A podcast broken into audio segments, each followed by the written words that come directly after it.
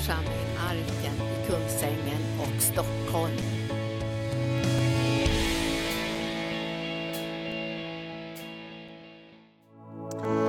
Halleluja! Underbart att ni är här ikväll i detta ljuvliga seminarium som vi har nu, som jag tror kommer att vara riktigt sådär eh, uppmuntrande och inspirerande och klargörande faktiskt. Ni har ju lyssnat till pastor Gunnar nu som har haft eh, två möten och han hade också öppen bibelskola. Han är författare till de här böckerna som vi, som vi nämnde nu, men den här bok, tjocka boken Varför inte kvinnor är skriven med Lauren Cunningham som är en, ska man säga, vår tids mest framgångsrika evangelister som har grundat tillsammans med sin hustru UMU ungdom med uppgift. Visst är det gripande det? Och den boken är väldigt bra. Och så är hans kompis då, som arbetar på universitet som också är medskribent till den här boken.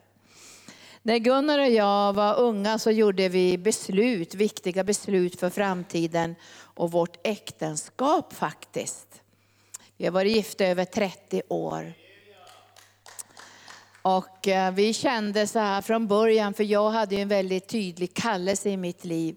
Jag blev kallad av Gud när jag var ung, jag blev frälst när jag var 23. Jag visste första veckan att jag skulle tjäna Gud på heltid. Lämna universitetsvärlden som jag hade liksom, som jag verkligen älskade universitetsvärlden. Och jag älskade att göra undersökningar och min dröm var att få göra färdigt det här så jag kunde doktorera i kriminologi. Jag var intresserad av rättsväsende och många andra saker. Men Herren kallade mig att tjäna honom på heltid. Och då kom det lite undervisningar hit och dit. Jag kommer ihåg en gång var jag i Sydafrika och så sa de så här, när fick du kallelsen? Var det före du var gift eller efter du var gift? Och jag sa, ja men det var före. Vad bra sa de, för hade det varit efteråt så hade du inte fått gensvara till Gud. Det var en konstig lära. Hoppas ni aldrig har hört någon sån konstig lära. Men så var det en annan då som sa, jag reste ju mycket, jag hade ju massor med kallelser. Och jag reste ju, jag var ju först gatuevangelist och sen diakonissa. Och sen började jag med resetjänsten och då reste jag ju kan man säga två eller tre helger varje månad och jag reste i hela Norden. Sen inte internationellt då, det blev ju senare. Men så kommer jag ihåg när jag skulle gifta mig med Gunnar så, så var det någon som sa, men vad skönt Linda, nu slipper du resa sådär. Nu kan du vara hemma och stryka Gunnars skjortor. Och då förstod jag att de hade en annan kvinnosyn än jag hade. Men jag fick ju det här kalla fötter av någon anledning och tänkte, men hjälp, får inte jag vara i kallelsen längre? Jag reser inte för pengar. Jag reser för Gud har kallat mig och rustat mig att, att rusta Kristi kropp och vara bibellärare, evangelist och helande tjänst. Så när jag kom hem på kvällen så var Gunnar på besök då hos mig i Storvreta. Och jag var, han tittade på mig och tyckte jag såg så konstig ut. Och jag sa, ja, jag vet inte om vi kan gifta oss, sa jag. För att jag har ju en kallelse från Gud och jag vet inte hur du ställer dig till det. Vi hade inte pratat så riktigt djupt och vi var ju ännu inte förlovade. Och då sa Gunnar så här, du vet inte vem jag är, sa Gunnar. Du behöver lära känna mig ordentligt. Och så sa han så här, en sak ska du veta Linda, att om du gifter dig med mig, då kommer jag stå vid din sida. Och det är två saker jag kommer att göra i ditt liv. Jag kommer att hjälpa dig att vara trogen Jesus. Så att allt som han har lagt i ditt liv ska kunna genomföras och fullbordas. Så att du en dag står inför Gud i evigheten så ska du känna att du fick all hjälp som jag kunde ge i begränsning för att du skulle kunna få ta emot segerkransen. Och sen sa han så, så ska jag be för dig varje dag för att din personlighet ska kunna utvecklas i det unika som Gud har lagt i ditt liv. Och jag sa samma sak till honom, att jag ska stå vid din sida och det som Gud har lagt i ditt liv, det ska jag bedja för, hjälpa dig så mycket jag kan och jag är ju andre pastor och jag är här för att hjälpa och stödja också Gunnar i den tjänsten. För, för jag reser ju mycket och, och jag får ge stöd på olika sätt i hans kallelse, i uppdraget men också i hans personlighet. För vi är ganska olika i våra personligheter och vi har aldrig tvingat varandra att bli liksom, det måste du vara som jag tycker och så. Utan vi säger, hur har Gud format din personlighet? Hur kan jag stödja så att du får bli det bästa av det bästa i din personlighet? Och det här har vi hållit på nu över 30 år. Tack Jesus. Och de här böckerna som pastor Gunnar har skrivit, de är värda att läsa förstår ni, därför vi praktiserar vad vi undervisar. Det här är inga bara teoretiska grejer, Där praktiserar vi. Och vi vet efter 30 år att det här är det allra bästa för tjänsten och det allra bästa för äktenskapet. Och vi önskar att kunna få ge det här vidare till den unga generationen. Där vi tror på biblisk jämställdhet utifrån försoningen och Jesu död på Golgata kors och den heliga Andes utgjutelse. När jag reste då, jag reste överallt och hit och dit och till olika ställen, så var det ofta Linda och bröderna. Det var sällan det var kvinnor på det sätt som jag tjänar, utan det var bröderna. Och ibland kallade de mig broder också för de tyckte det var så skönt att jobba med mig för det var aldrig några spänningar och konstigheter och sådana saker. Utan vi var tjänstegåvor och vi var på en hög nivå, vi hade excellens. Så jag har aldrig i mitt liv, jag har ju tjänat Gud i 40 år, vet ni att jag har aldrig någonsin råkat ut för några sexuella övergrepp. Jag har aldrig råkat ut för att någon skulle stöta på mig eller något sånt där. Utan jag har bestämt mig för att jag är en hög ande, jag är kallad av Gud, jag är rustad av den heliga ande. Och de jag ska tjäna med i Norden och ut över världen måste faktiskt tänka så. Men Gunnar han sa till mig, han sa så en gång så här, Linda sa, de säger ju om dig att du får tjäna för att du har smörjelse. Därför får du tjäna. Även om de har en annan teologi så får du ändå tjäna för att du har en smörjelse. Men han sa, så kan du inte leva. Du måste ha en grund för din tjänst och ditt liv. Du måste bottna i Guds ord och i försoningen.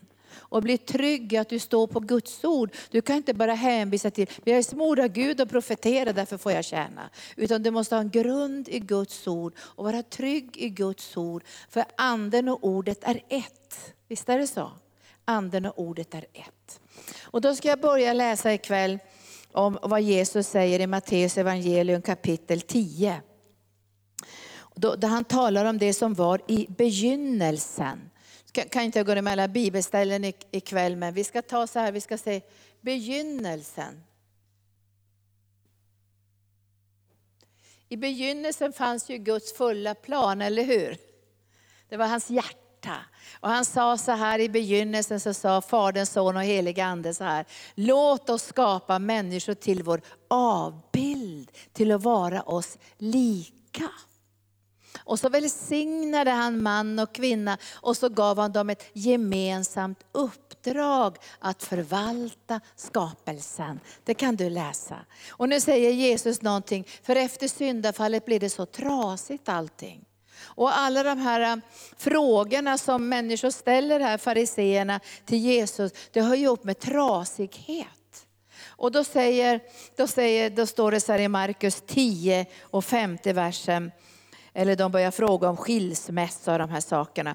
Då sa Jesus till dem, det, var för era, det är för att era hjärtan är så hårda som han gav er de här föreskrifterna som skilsmässa. Men från skapelsens början så gjorde Gud dem till man och kvinna i begynnelsen, i skapelsens början.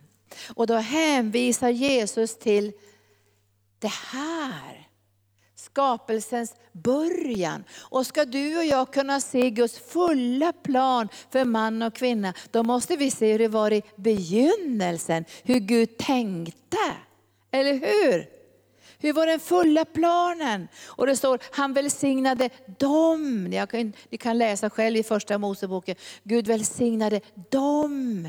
Och han gav dem ett gemensamt uppdrag att vårda skapelsen. Han gav dem en sån fruktansvärt stor vision. Adam och Eva, så han sa, ni ska uppfylla hela jorden. Vilken vision. De fick det här lilla paradiset och det var ju vackert paradis. Och sen så här, gör hela jorden till ett paradis. Stå sida vid sida. Tjäna tillsammans, för ni är min avbild. Så i begynnelsen så stod människan sida vid sida. Och hon var klädd i skönhet och i rättfärdighet. Och hon hade en relation med varandra och en relation med Gud. Så Gud kunde möta alla behoven. Alla behov av kärlek, all kreativitet, och han var hjälparen i deras liv. Han, han såg dem, han älskade dem och de levde i en djup andlig kärleksrelation. Men kärlek kan inte uttryckas utan frihet. Och därför fanns det mängder, mängder, mängder med träd. Och han säger, ät av allt det här. Men det finns ett träd som ni inte ska äta av. Och det är det trädet som är kunskapens träd på gott och ont. Och det är det trädet som, där man väljer att leva sitt liv utan relation med mig. Det var det som var syndafallet. Vet ni att syndafallet förklarar allt? Syndafallet förklarar allt. Därför syndafallet gick allting sönder. Nu pratar man ju mycket om könsidentitet, har ni läst om det? Ni kan till och med gå in på de här sjukvårdssidorna och läsa om könsidentitet. Och då menar man så här, att du själv får bestämma vilket kön du ska vara. Alltså du får själv bestämma. Du får själv bestämma din könsidentitet. Men vi vet ju, vi som sitter här, att det finns kromosomer. Det är XX och XY och vi har en så att säga, biologisk beskrivning av våra liv där vi är man och kvinna. Men sen så säger man så här, du får bestämma din könsidentitet. Du får bestämma om du vill vara man i en kvinnokropp eller vara kvinna i en manskropp. Du kan vara, du kan vara transgender, du kan bestämma att du kan flytta, du kan kan könskorrigera så kan du från att varit man så kan du bli kvinna eller så kan du bli intergender. Alltså du kan vara ingenting. Du kan säga jag vill inte vara man och inte kvinna heller. Så jag vill kalla för den eller hen eller vad som helst. Men man menar att du får själv bestämma vilken könsidentitet du ska ha. Och det här skapar en otrolig förvirring i människors liv. Du kan bestämma själv vilken könsidentitet du vill ha. Och ibland så, så säger man, ja men fast du är kvinna kan du, kan du ändå uttrycka dig som en man. Och du, ja, man får ju bestämma själv. Och därför ska man inte, säger man så här, man ska inte bestämma när barnen är små, man ska inte tala om för dem om de är pojke eller flicka, utan de ska själva få bestämma det här. Och jag tror att mycket av det här handlar om att man, har, man vill, vill bryta sig loss från fasta könsroller. Alltså man, gör upp, man vill inte ha de här könsrollerna där man tvingas in i sådana här roller att en kvinna ska vara så här och en man ska vara så här. Och så bryter man loss det där och så blir man, säger man, ja, men du kan själv bestämma vilket kön du ska ha. Din könsidentitet bestämmer du själv. Och nu ska jag läsa vad Jesus säger. Jag läser igen. Från begynnelsen gjorde han dem till man och kvinna. Det här var i begynnelsen. Men jag förstår att saker har gått sönder. Allting har gått sönder. Och det står att efter syndafallet, då hände någonting efter syndafallet. Och då blev det så här, mannen börjar råda över kvinnan.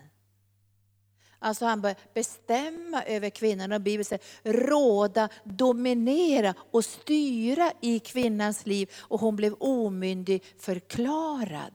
Vet ni att vi lever 2017 nu men i Saudiarabien kanske kvinnor ska få ta körkort kungen har sagt att de kanske får ta körkort. Vi, vi har strukturer, förstår ni, där flickor inte får gå i skola. Där man skjuter dem och dödar dem och förstör deras skolor. Därför de ska inte få gå i skola. Alltså de ska inte få utbilda sig. Då kan du bara tänka sen hur det blir om du inte får utbilda dig. Du kan inte gå till en manlig läkare. Och det finns inga kvinnliga läkare. Där kvinnorna måste täcka sig så att de bara får ett litet nät framför ögonen. Alltså vi har, såna, vi har förtryckarstrukturer ut över hela världen. Och allting handlar om syndafallet.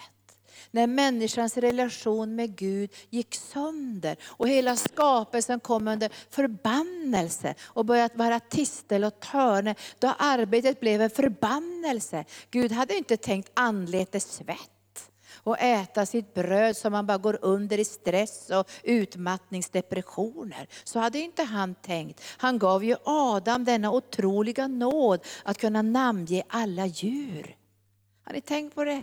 Vilken intelligens! Alltså Gud har gett människan skaparförmåga, intelligens. Och det var helt otroligt när hon levde i kärleksrelationen med Gud, hur hon kunde leva och ta emot ifrån Gud allt som hon behövde.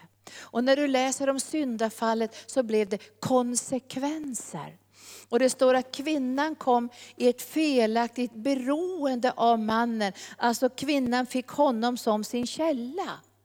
Alltså hon levde genom mannen på ett felaktigt sätt. Du kan läsa det syndafallets konsekvenser. Och nu säger jag till er ikväll så här, det är väl fruktansvärt när man gör syndafallets konsekvenser till bilden för äktenskap.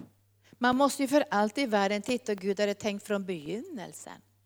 Det här är syndafallets konsekvenser. Och konsekvensen är att kvinnan får fasansfulla upplevelser när hon ska föda sina barn. Hon ska föda sitt barn med smärta. Och sen förlorade hon det eviga livet. Hon dog i sin relation med Gud. Alltså det eviga livet ihop med Gud. Det förlorades i syndafallet. Och sen kommer den här mörka tiden. Det kommer en mörk tid här. Fram till Jesus. Och när Jesus gick på jorden då gav han ett exempel. Men även i den här mörka tiden de hade ju hundratals fruar. Har ni läst om det? Månggiftig kubik. Salomo vet inte hur många fruar han hade, säkert flera tusen.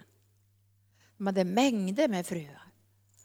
Men det fanns ju sådana här äh, ljuspunkter. Vi ska ta upp en sån ljuspunkt ikväll. Vi ska tala om en fantastisk man som heter Barak. Inte Barack Obama, utan Barak i Bibeln.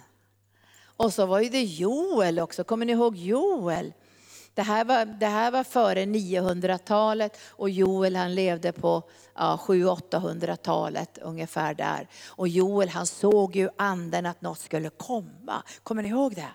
Han såg det. Jag ser någonting. Och det här var ju superradikalt att komma och säga, det kommer att ske en dag att Guds ande kommer att falla över allt kött.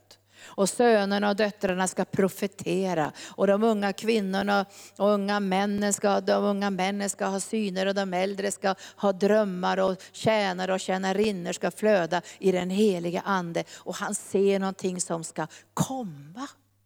Det är profetiskt.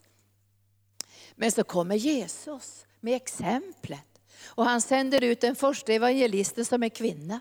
Han bryter sönder könsrollerna. Det fattar inte vi hur radikalt det här var att bryta sönder könsrollerna. Därför han menar att könsroller, det fungerar inte. Utan vi måste tänka, vad har Gud lagt i våra liv? Hur ska vi tjäna Gud? Hur formas vår personlighet som man och kvinna i kärleksrelationen med Gud? Det är ju inte alla som kan pressas in i en könsroll. Och Maria hon bröt ju totalt mot könsrollen. Och Marta blev så sur så tänderna växte ut. Därför att det är klart att man skulle vara i köket. Och självklart, det var kvinnans könsroll. Och så sätter sig Maria vid hans fötter för att låta sig undervisas och rustas för att kunna tjäna. Jesus borde ha sagt till henne, Maria det är jättegulligt att du sätter dig vid mina fötter och låter dig undervisa. Men det är faktiskt bara männen som får undervisning och smörjelse och utrustning. Så gå in i köket nu och fixa färdigt. Men vet du vad han säger? Du kan din bibel. Marta, Marta, du bara bekymrar dig och oroar för så många saker. Men det är bara ett som är nödvändigt. Det är bara ett som är nödvändigt. Och det här är nödvändigt både för man och kvinna. Att vi hittar vår personlighet och vår kallelse, vårt uppdrag i Jesus Kristus. Och vi är väldigt olika som män och kvinnor. Och, och, en del har mycket manliga hormoner, många män har mycket, mycket manliga hormoner och andra män har kanske lite, lite blandat, men de är ändå som mest manliga hormoner. Fast det är väldigt olika män och kvinnor. Vet du, nu har man problem i den här, i den här eh, världen med sport. Därför man tittar på olika som springer så säger man, det där är ju en man. Jag tittade på någon sån där sprinter och sa, det där är ju en man. Och då måste de testa, har den här som kallar sig kvinna jättehöga manliga hormonhalter? Då kan man ju inte tävla på samma villkor. Därför en man har mycket mer muskelmassa. För en kvinna har kvinnliga könshormoner och en man har manliga könshormoner. Så är det tänkt i begynnelsen. Eller hur? Och Marta säger, nej men Maria du får, kom in i köket du. Då säger Jesus, hon har valt den bästa delen eller den viktigaste delen och den ska inte tas ifrån henne. Så både för män och kvinnor handlar det om att gensvara till Gud. För att i Gud hittar du och jag vår personlighet. Alltså våra gåvor, vår, alltså i Jesus Kristus blir vi det som Gud har tänkt. Och i begynnelsen skapade Gud man och kvinna. Och jag tror det bara är det Jesus Kristus som du och jag kan hitta hem till vår sanna identitet. Tror ni inte det? Bara Jesus Kristus hittar vi hem till vår sanna identitet. Och all den här förvirringen, plågan, och vem är jag? Kan jag göra det här om jag är en man? Kan jag göra så här om jag är kvinna? All den här förvirringen, den upphör i Jesus Kristus. Därför vår djupaste identitet är i Jesus Kristus, när du och jag är födda på nytt. Tänk att Jesus han sände ut, alltså han gav sådana fantastiska exempel. Så under tre år så gav Jesus exemplet. Och han sände ju Maria från Magdala för att berätta att han var uppstånden ifrån de döda. Och kvinnor vittnade ju inte på den tiden ens, för man trodde inte att de hade ett sant vittnesbörd. Och så sände han dem att ge det allra viktigaste budskapet någonsin. Har ni tänkt på det? Alltså Jesus han, han, han förändrade, han visade med sitt exempel att nu går vi tillbaka till ursprungsplanen. Vi ska stå sida vid sida. Och så gav han olika exempel, men han visste ju att det måste ske någonting. Och det sker här när han dör på korset. Och anden ska utgjutas. Och Joels profetia ska gå till sin fullbordan. Och vi går tillbaka, nu går vi tillbaka när anden till det som Gud har tänkt innan syndafallet. Och vi intar det mer och mer och mer. Och en dag ska det bli fullkomligt när vi är på väg upp. Då blir det fullkomligt. Då kommer allting att bli fullkomligt. Men vi måste inta det här genom Jesus Kristus. Och nu ska jag berätta om den här Barak ikväll. Därför jag skulle önska att vi fick många Baraks män. Alltså det, det är inte så här, nu är det bara kvinnor. Nej, nu är det bara män. Vi måste stå tillsammans. Och jag, jag tror ju på att Gud håller på att resa upp män. Och jag tänkte så här, vad är det för män vi kommer att se? Jag, tänkte jag ska ha ett namn på sån här, sån här man som Gud kommer att lyfta upp. Och då sa Herren bara, en Baraks man. Och då förde han mig till, eh, till Hebreerbrevet till trons hjältar. Troshjältarna. Och där bland troshjältarna så stod Barak. Han stod bland troshjältarna. Det är inte så ofta, vi talar många gånger om troshjältarna, men det är inte så vanligt att vi lyfter upp Barak. Många vet inte ens vem Barak är ifrån domarboken. Ifrån Hebreerbrevet kapitel 11 så står det i, i vers 32. Vad mer ska jag säga? Tiden räcker inte till för att berätta om Gideon, Barak, Simson och Jefta, om David, Samuel och profeterna. Genom tron besegrade de kungariken. Så Bara kunde inte ha varit en mes, en toffel. Då hade inte han varit bland troshjältarna, eller hur? Så, så en sann man är ingen mes. Det är ingen toffel. Det är ingen jätterädd liten skata i ett hörn. Utan en upprättad man är en troshjälta. Halleluja. Det står, det står här, de, de genom tron besegrade de kungariken, skipade rätt fick löften uppfyllda, stängde lejons gap, släckte rasande eld och undkom svärdets ägg. De var svaga men fick kraft, de blev starka i strid och drev främmande härar på flykten. Och bland de här fantastiska ledarna står Barak.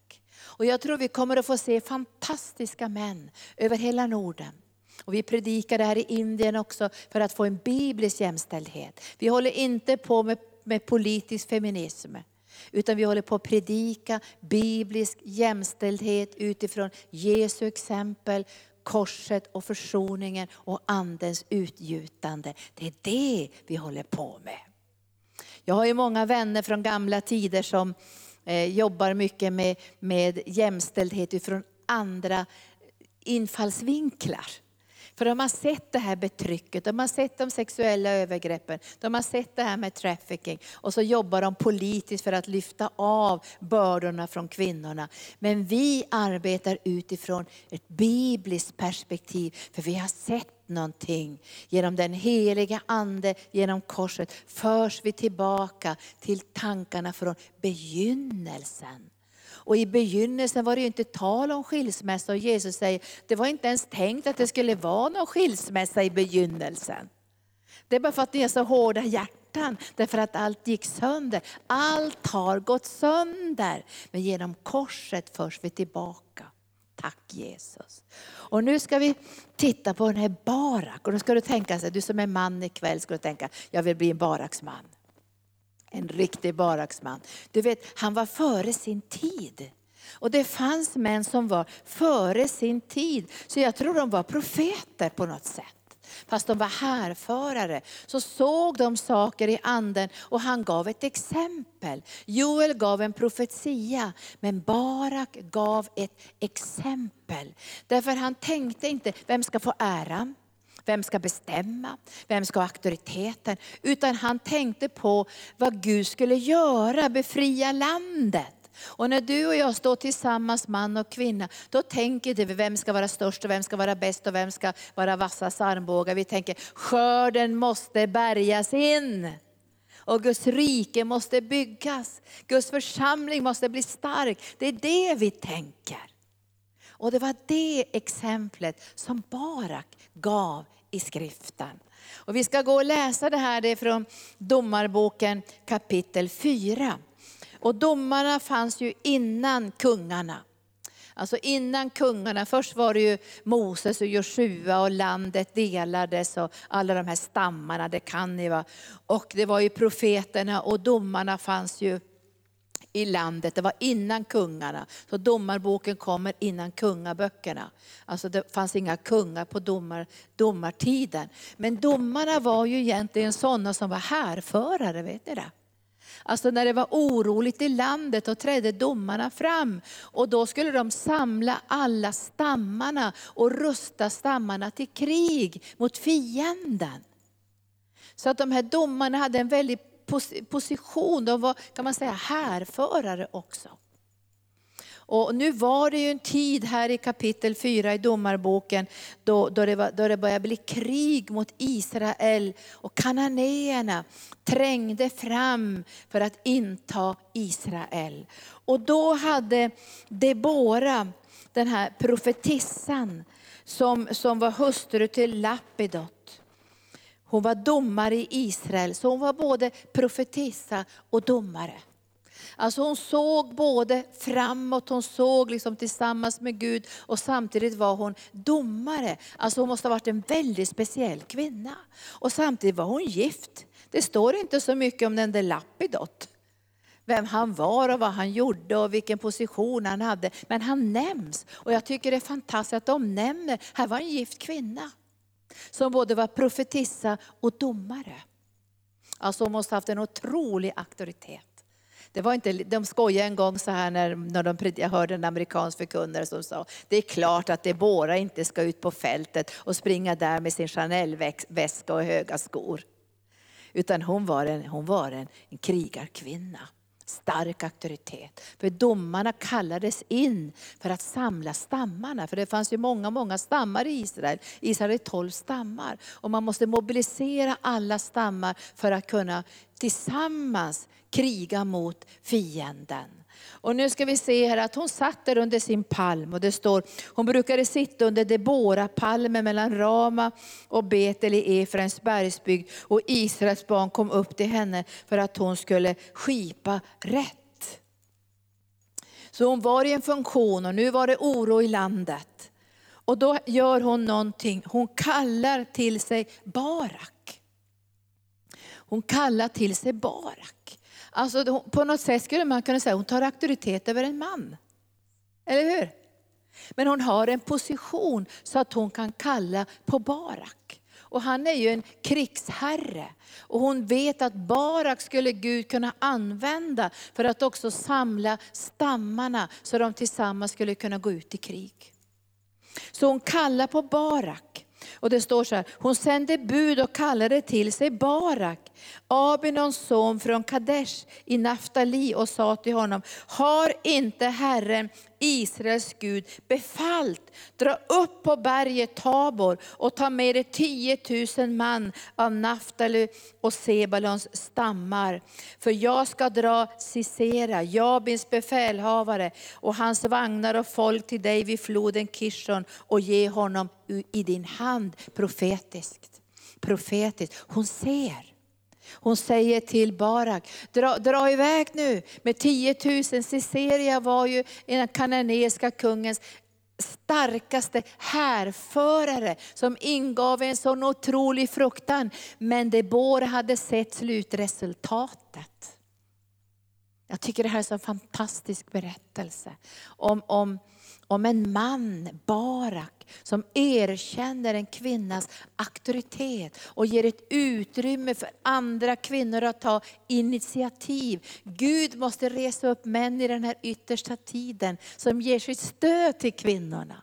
Som säger så här att vi, vi bråkar inte med varandra, vi har ingen maktkamp mellan könen, utan vi önskar att varenda pojke, varenda flicka, varenda man, varenda kvinna ska komma i funktion. Så fienden får vika undan, så skörden kan bärgas.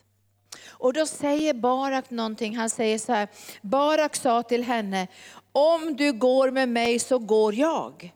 Men om du inte går med mig så går inte heller jag. Om det här var feghet, då skulle han aldrig ha stått bland troshjältarna. Aldrig. Om det här var rädsla, åh jag måste hålla i kjoltyget. Jag har hört många sådana predikningar. Och Barak var så rädd så han måste hålla kjoltyget. Han vågade inte gå ut och strida om inte han fick med sig Debora för han var så jätterädd. Han skulle aldrig strå bland troshjältarna om så var fallet. Utan det här handlade om någonting helt annat. Det här handlade om att han, utan att han kanske ens förstod det, han fick tag på någonting som handlade om det som var innan syndafallet. Vi ska stå sida vid sida. Jag går inte om inte du går med mig. Gud kommer att resa upp baraksmän över hela Norden, Indien, Filippinerna, Afrika som kommer att säga, vi går inte om inte vi får med kvinnorna. För vi ska stå sida vid sida i skörden. Vi ska stå sida vid sida. Baraksmännen, de är starka. De bryter sönder alltså, kötsliga, världsliga normer och förtryck. Och aldrig i livet säger de, kvinnorna ska stå sida vid sida med oss. Och de, har, de är också så kallade bröder, de är arvingar. De har rätt också att gensvara och bli det som Gud har tänkt.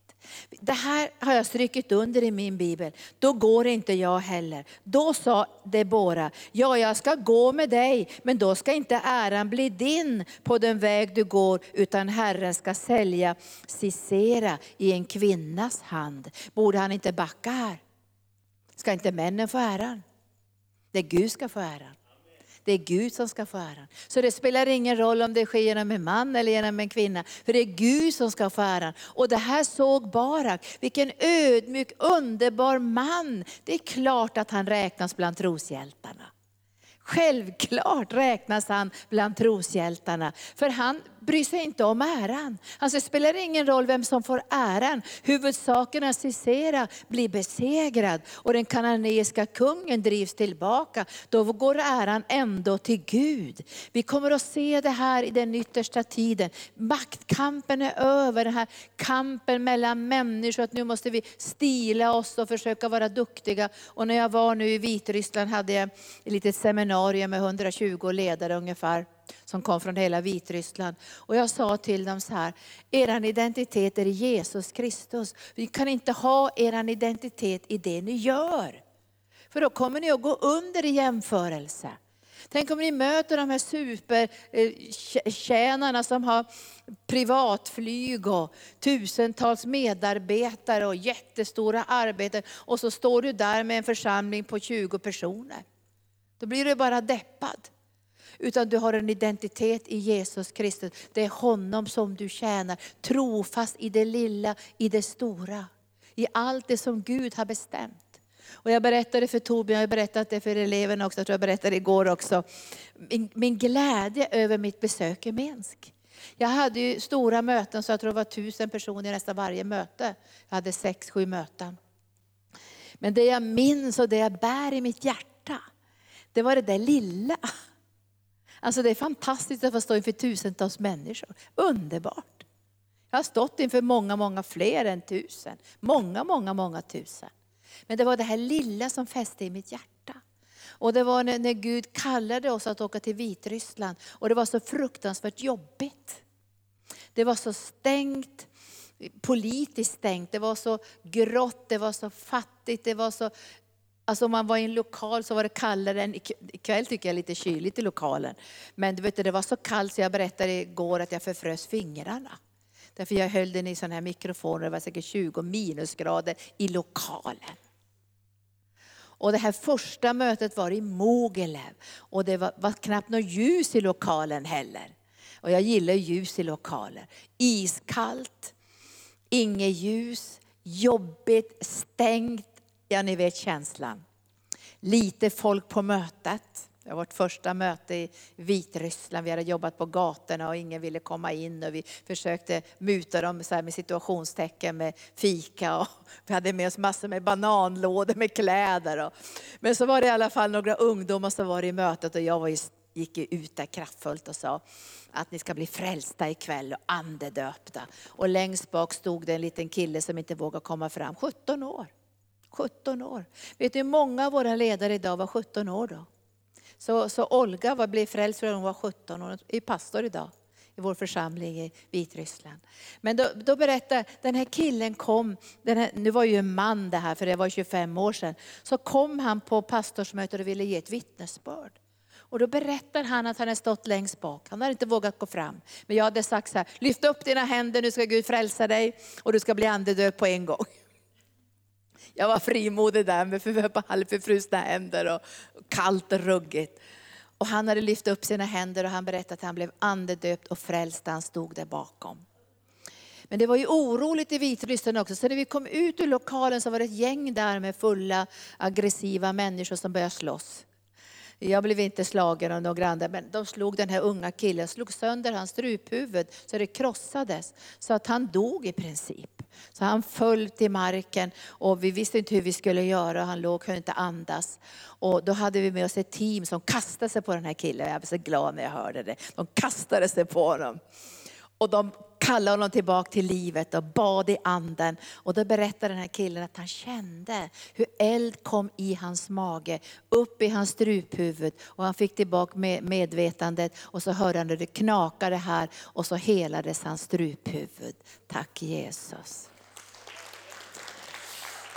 Det var själva miraklet det. Men sen var det det som jag gick och bara, jag bara går och njuter en av det. Så, sa, så, så, så viskade pastorerna till mig och sa, vet du om Linda att den här killen som var 17 år då, han är de mest inflytelserika och viktiga pastorerna i hela Mogelevområdet.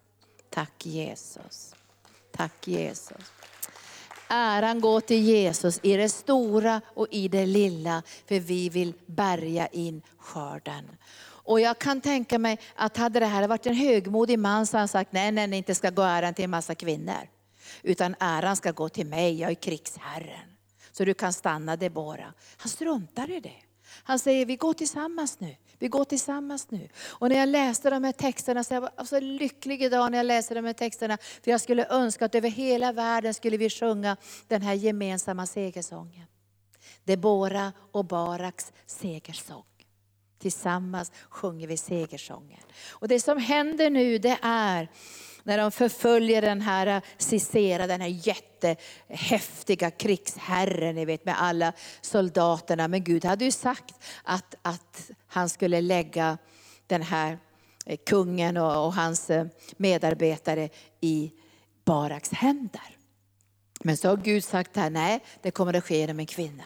Och det här är en liten, liten tjej som heter Jael. Ja, det är ett sånt vackert namn, Jael. Tänk Jael, hon är gift med en man som står på fiendens sida. Det är väl inte kul? Jael är gift med en man som står på fiendens sida. Så när Sisera kommer farandes, jagad av, eh, av Barak och Debora och alla, alla de här stammarna, krigarna, då, då är han så jättetrött så han ser det här tältet och tänker, men där har jag en bundsförvant. Han brydde sig inte om Jael, en liten tjej som står där med långt hår och liten slöja och ser gullig ut. Han brydde sig inte om henne.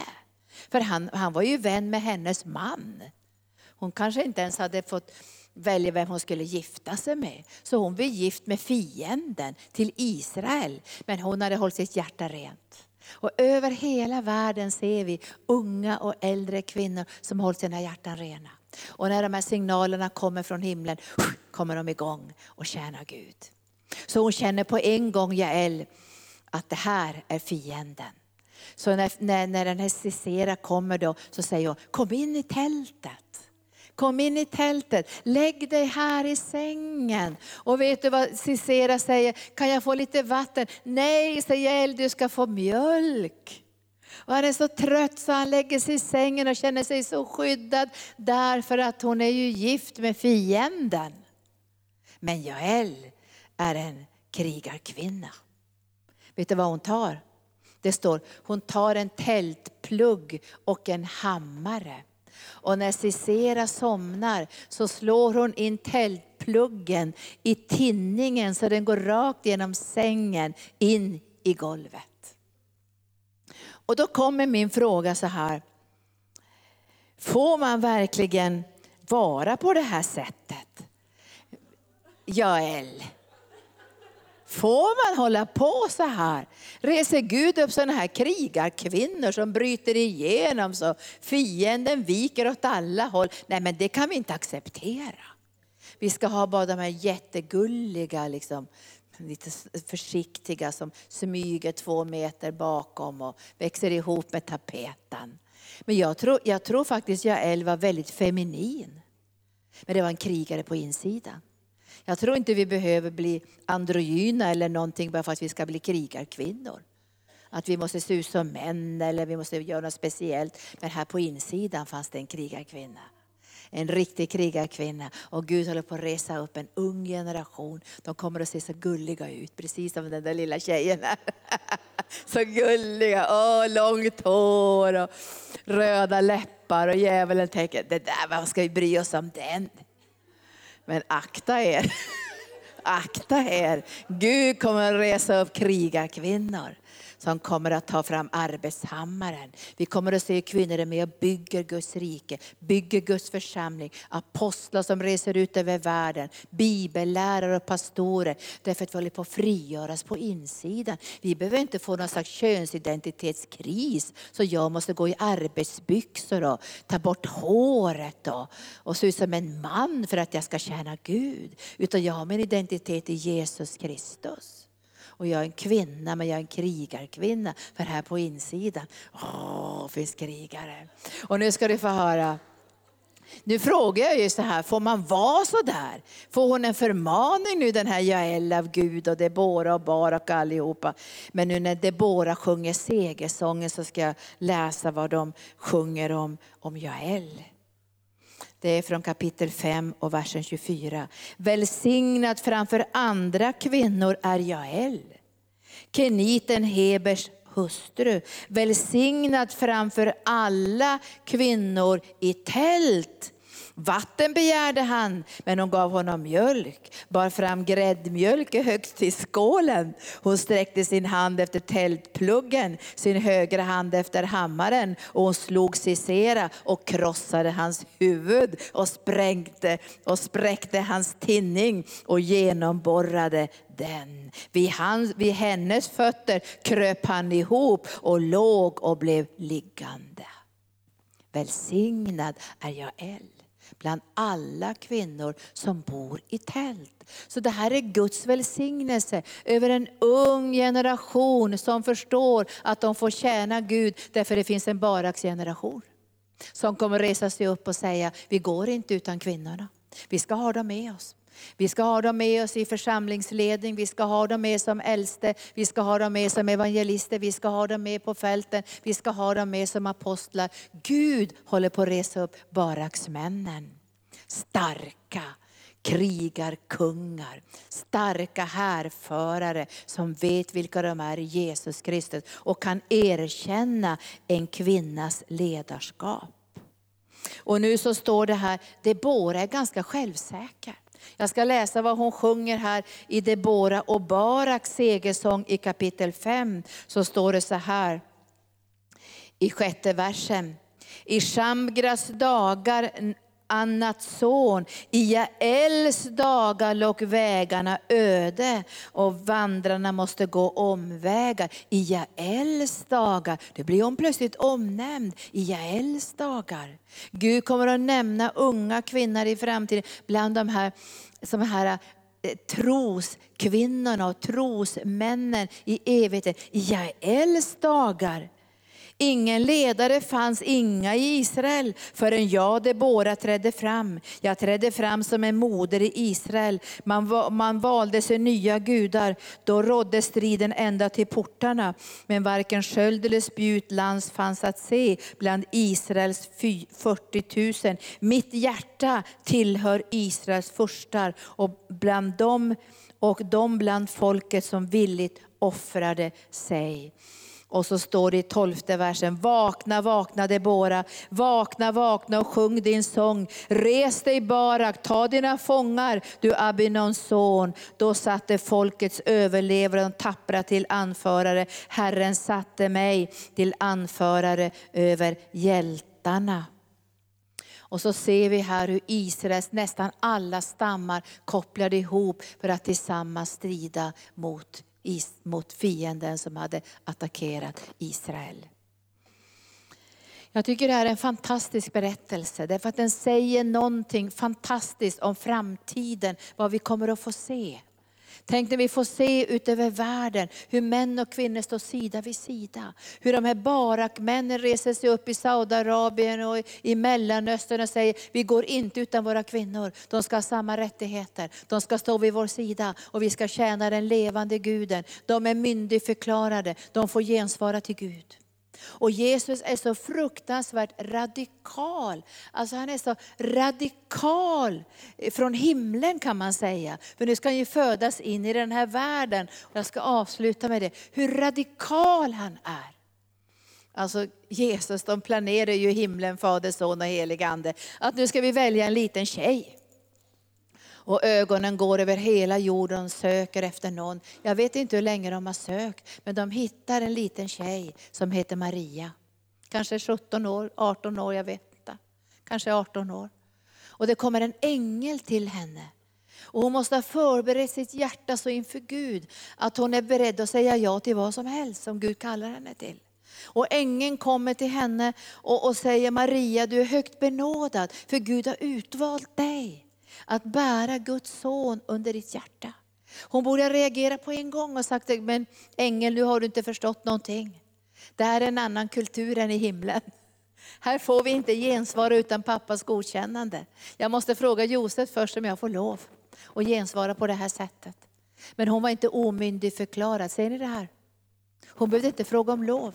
Alltså hon levde inte under syndafallets konsekvenser där hon var tvungen att fråga om lov. För vad hade hänt om hon hade gått till Josef och sagt, Josef en ängel har kommit, jag ska föda Guds son. Han trodde ju inte ens på det när hon berättade för honom. Då fick ängeln gå in i drömmen för att förklara för Josef hur, det hängde ihop och han fick vara med i ett profetiskt skeende. Varje kvinna, varje man måste gensvara till Gud. Och i det gensvaret så tror vi att allt det andra ska tillfalla oss. För hon kunde ha blivit stenad. Vet du, hon sa ja i en kultur där man blev stenad om man blev gravid utanför äktenskapet. Och ändå sa hon ja, för hon litade på himlens konung. Hon visste Gud ska beskydda mig, Gud ska bevara mig. Han ska bevara barnet under mitt hjärta. Och Josef kommer att förändra sig. Han kommer att förstå att det här är Guds tankar och Guds vilja för mitt liv. Och det är många kvinnor som har svarat ja till Gud och männen förstår inte. Då har man en bön, Gud förklara att det som du har lagt i mitt hjärta kommer från himlen. Det här är viktigt också att man får förmedla det och berätta det och sätta tro till Gud. Att när Gud lägger något i en man och kvinnas hjärta så är det inte för att förstöra familjen. Det är inte för att det ska bli skilsmässa. Det är inte för att man ska gå skilda vägar och bråkas genom hela livet. Utan man blir rädd om det som Gud har lagt i den enes liv och i den andres liv. Och man frågar efter det. Och Josef blir ju en fantastisk välsignelse för Maria, när han skyddar och bevarar barnet och de får fly till Egypten, till den här kungen är död som vill döda alla gossebarn. Vilken fantastisk berättelse om ett gensvar till Gud. Vi kommer att få se mer och mer av det här och vi kommer att få se de här barakmännen som bara reser sig upp och vi ser det i Filippinerna, vi ser det i Indien, hur de bara reser sig upp och säger, vi accepterar inte det förtrycket. Vi accepterar inte det förtrycket, för det som Gud har lagt i kvinnors liv är helig säd. Det kommer från himlen och det måste få utvecklas, det måste få bli till välsignelse. För om det inte får utvecklas, då kommer vi till vårt sämsta, vet ni det tjejer? Då blir vi vassa, elaka, arroganta. Vi pressar oss fram, vi trycker undan alla män och säger vi vill inte ha med några män att göra något längre utan nu är det bara kvinnorna som gäller här. Därför det blir en maktkamp mellan könen, men vi ska stå sida vid sida. Och vi vet vad Guds ord säger. När Jesus blir attackerad mot sin identitet, och säger han, det är bara Gud som vi ska tillbedja och tjäna. Och har vi det i våra hjärtan som män och kvinnor, då kan vi böja våra knän. Och jag, vi pratade, pastor Gunnar och jag, om vårt liv och så här. För det var ju många som sa, vem ska bestämma då? Och då brukar Gunnar säga så här, den som påverkas mest av besluten har mest talan såklart. Alltså, ibland påverkas den ena mer än den andra i ett beslut. Men vi skulle aldrig göra ett beslut utan samsyn. Vi skulle aldrig göra ett beslut om inte vi hade samsyn med Gud. Och då frågar man, ja, men om ni är helt oense om någonting, då, hur gör ni då? Ska inte mannen bestämma då? Nej, man ska aldrig ta ett steg om man är oense. Utan då ska man böja sina knän till man får ledning från Gud. Vilken väg ska vi gå? Hur ska vi lösa det här? För vi har böjt oss under Gud och vårt äktenskap är givet till Gud för ett högre syfte, för att kunna tjäna honom i den här världen. Vi har inte bara gift oss med varandra för att sitta och mysa och ha lite mysigt och nu blir vi pensionärer och kan vi ligga i Spanien på playa. Nej, vi har inte gift oss med de tankarna. Vi har gift oss för att stödja varandra, hjälpa varandra, stå vid varandras sida så att Guds rike ska kunna utbredas i den här världen så att vårt äktenskap ska kunna bli en välsignelse både för församlingen och för de som möter oss ute över världen i tjänst på olika sätt. Tack Jesus. Och jag önskar ikväll att vi ska få ett helande också. Vi sa att vi skulle be också ikväll, att vi ska få ett helande. För många har blivit sårade av förtryck. Många har upplevt mycket skador i äktenskap, många har upplevt manipulation och, och, och begränsningar, inte bara en kvinnor gentemot män utan också män gentemot kvinnor. Och det finns många sår. När man pratar med många feminister och många som kämpar nu för, för, för jämställdhet och så, så finns det väldigt mycket sår och mycket smärta i relationerna. Och många säger, jag ska aldrig mer gifta mig. Hellre vill de gifta sig med en kvinna än med en man. För det finns så mycket sår och skador som finns på djupet i människors liv. Och jag tror på helande. Det finns helande så vi kan stå sida vid sida och uppskatta varandras olikheter. För en man är en man. Och en kvinna är en kvinna. Och vi har olika hormoner men vi har inte likadana gåvor. Utan vi har olika gåvor. Och jag tror, att män, jag tror också att män kan ha ett ganska vitt spektra på hur Gud kan kalla dem till. Och jag vet ju många män som har varit intresserade av mode och vill sy och, och, och, och göra sådana här saker som man ska kvinnogöra. Då tror de kanske att man måste bli homosexuell för att man ska kunna vara på det sättet. Jag tror att mycket den här könsförvirringen hör ihop med könsrollerna och syndafallets konsekvenser. Men nu ska vi komma in i en ny tid. Halleluja. tack Jesus. Gud är god och vi ska bli helade. Vi ska bli helade på insidan. Vi ska bli helade. Och männen ska våga bli män i Jesus. Kvinnorna ska våga bli kvinnor i Jesus. Och vi ska kunna gensvara och hjälpa varandra att komma till vårt allra bästa. Och vi ska tjäna Gud tillsammans. Tycker ni om undervisningen ikväll? Tack Jesus. Halleluja. Och vi, ska, vi ska be om helande. För jag, jag, jag, gick, jag var inne på Facebook så var det en väldigt aggressiv feminist där som jag brukar aldrig skriva något på Facebook, men hon var så otroligt aggressiv och skrev att, att det var kristendomen och Bibeln som förstörde, eh, som förstörde människor. Det var det värsta förtrycket av förtrycket hos de kristna och genom Bibeln. Och det retade ju upp mig så jag sa så här, kom till arken ska du få höra om biblisk jämställdhet, sida vid sida, helade relationer. Jag vet inte, de kanske ser ikväll. Men jag tror många är bittra och arga och förtvivlade för de har råkat ut för så många saker. Och jag tänkte vi ska be en liten stund för vårt land. Vi ska be för vårt land att vi ska få ett helande mellan män och kvinnor. Och att vi ska få den här baraksmän men också Debora-kvinnor som, som kan ta för sig. Som inte bara smälter ihop med tapeten och säger, ja, jag var väl ingenting, det blev väl ingenting. Nej, hon säger, jag var en anförare. Jag var en moder i Israel. Det fanns ingen ordentlig ledare på den nivån förrän jag trädde fram. För de var både profetissa och domare. Barak var ju härförare. Men hon hade flera funktioner i Israel. Och så säger hon, mitt hjärta tillhör Israels hjältar, alltså ledarna i Israel. Hon sa inte, mitt hjärta tillhör bara kvinnorna nu, utan mitt hjärta tillhör hela folket och alla ledare. Så vi ber en liten stund över helande i vårt land. Vi ber att den här förkunnelsen om biblisk jämställdhet, det som har skett, som skedde i syndafallet som bröt sönder relation mellan man och kvinna, mellan kvinna och kvinna och man och man. Relationen mellan Gud och människa, människan och skapelsen. Allt gick sönder och maktkampen och mammon och förtrycket kom in i den här världen. Men vi tackar det underbara ljuvliga Jesus. Rör vid det här landet. Låt dem få se vilken underbar bibel vi har. Vilken underbar Jesus vi har. Att det finns helande för könsidentitet graviditeten. Det finns helande för all den här smärtan som människor bär inom sig. För du har inte kommit för att döma världen och slå på människorna. Du har kommit för att frälsa världen och låta dem få känna din otroliga kärlek och hitta tillbaka till tankarna i begynnelsen. Där du sa att man och kvinna, du skapade dem till man och kvinna. Och vi hittar tillbaka till vår identitet och vår kallelse, vår personlighet och våra gåvor. Och vi vågar bli den man och den kvinna som vi skapade att vara. Och vi behöver inte be om ursäkt längre för oss själva. Och vi ber för vårt land, be bara för vårt land. Det finns så mycket kamp mellan könen, så mycket bråk och så mycket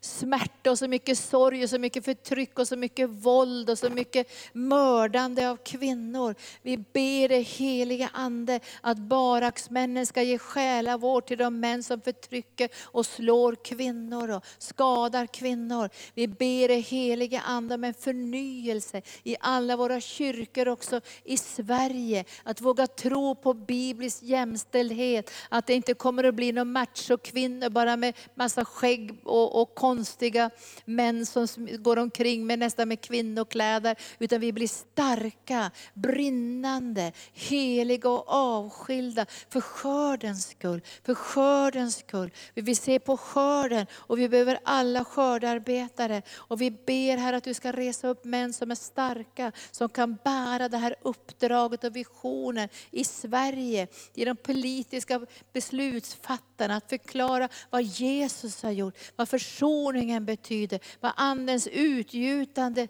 betyder i den här sargade världen. Och jag prisar dig Gud, för du ska hela många kvinnor som är så arga på män, som är så hatiska, som har varit utsatta för våld och övergrepp och manipulation. Och vi ber dig heliga Ande att en våg av helande ska få flöda in i relationerna mellan man och kvinna. Och det ska vara rent och vackert. Och all den här sexismen och övergreppen bara ska få vika undan för respekt och kärlek. Respekt och kärlek. För man får ingen brud för man får en syster. Och vi ber att systrarna och bröderna ska stå sida vid sida med, med sina ansikten mot himlen. Och vi ber om väckelse Herre. Vi ber att många ska bli frälsta i dagarna som kommer Gud. Vi ber att du ska ge oss kunskap så vi kan förklara evangelium för människor. Kom heliga Ande och rör vårt land. Och de som nu arbetar arbetar politiskt för att få jämställdhet och som känner att de tycker det är så jobbigt och så motigt. Vi ber dig heliga Ande att de ska se försoningen, blodet, segern över mörkrets makter. Att det finns en annan väg att gå än en politisk väg. Det finns en andens väg där du föder människor på nytt och vi blir nya skapelser. Och vi hittar hem i våra personligheter och i vår könsidentitet. Så kom helige, helige Ande och rör vid vårt land. Rör vid arabvärlden också. Rör Herre vid Indien, Filippinerna och Europa. Du ser här hur mycket förtryck det finns över världen. Och vi ber dig Herre att försoningens blod ska få gjutas ut så underbart och ljuvligt. Och alla felaktig teologi, all förtrycksteologi, all rädsla, all maktkamp ska få stilla sig vid korset. Och din nåd och din kärlek ska bryta fram och vi ska se en Baraks generation, en Debora generation.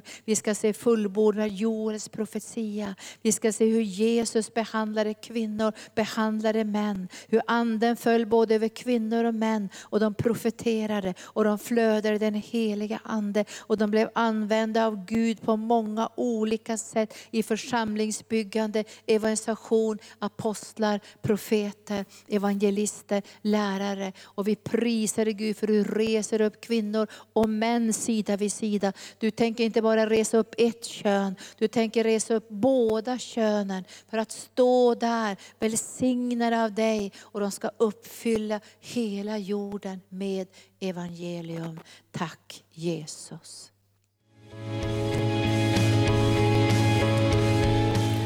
Tack för att du har lyssnat. Vill du få del av mer information om församlingen Arken, vår helande tjänst, bibelskola och övriga arbete, gå in på www.arken.org.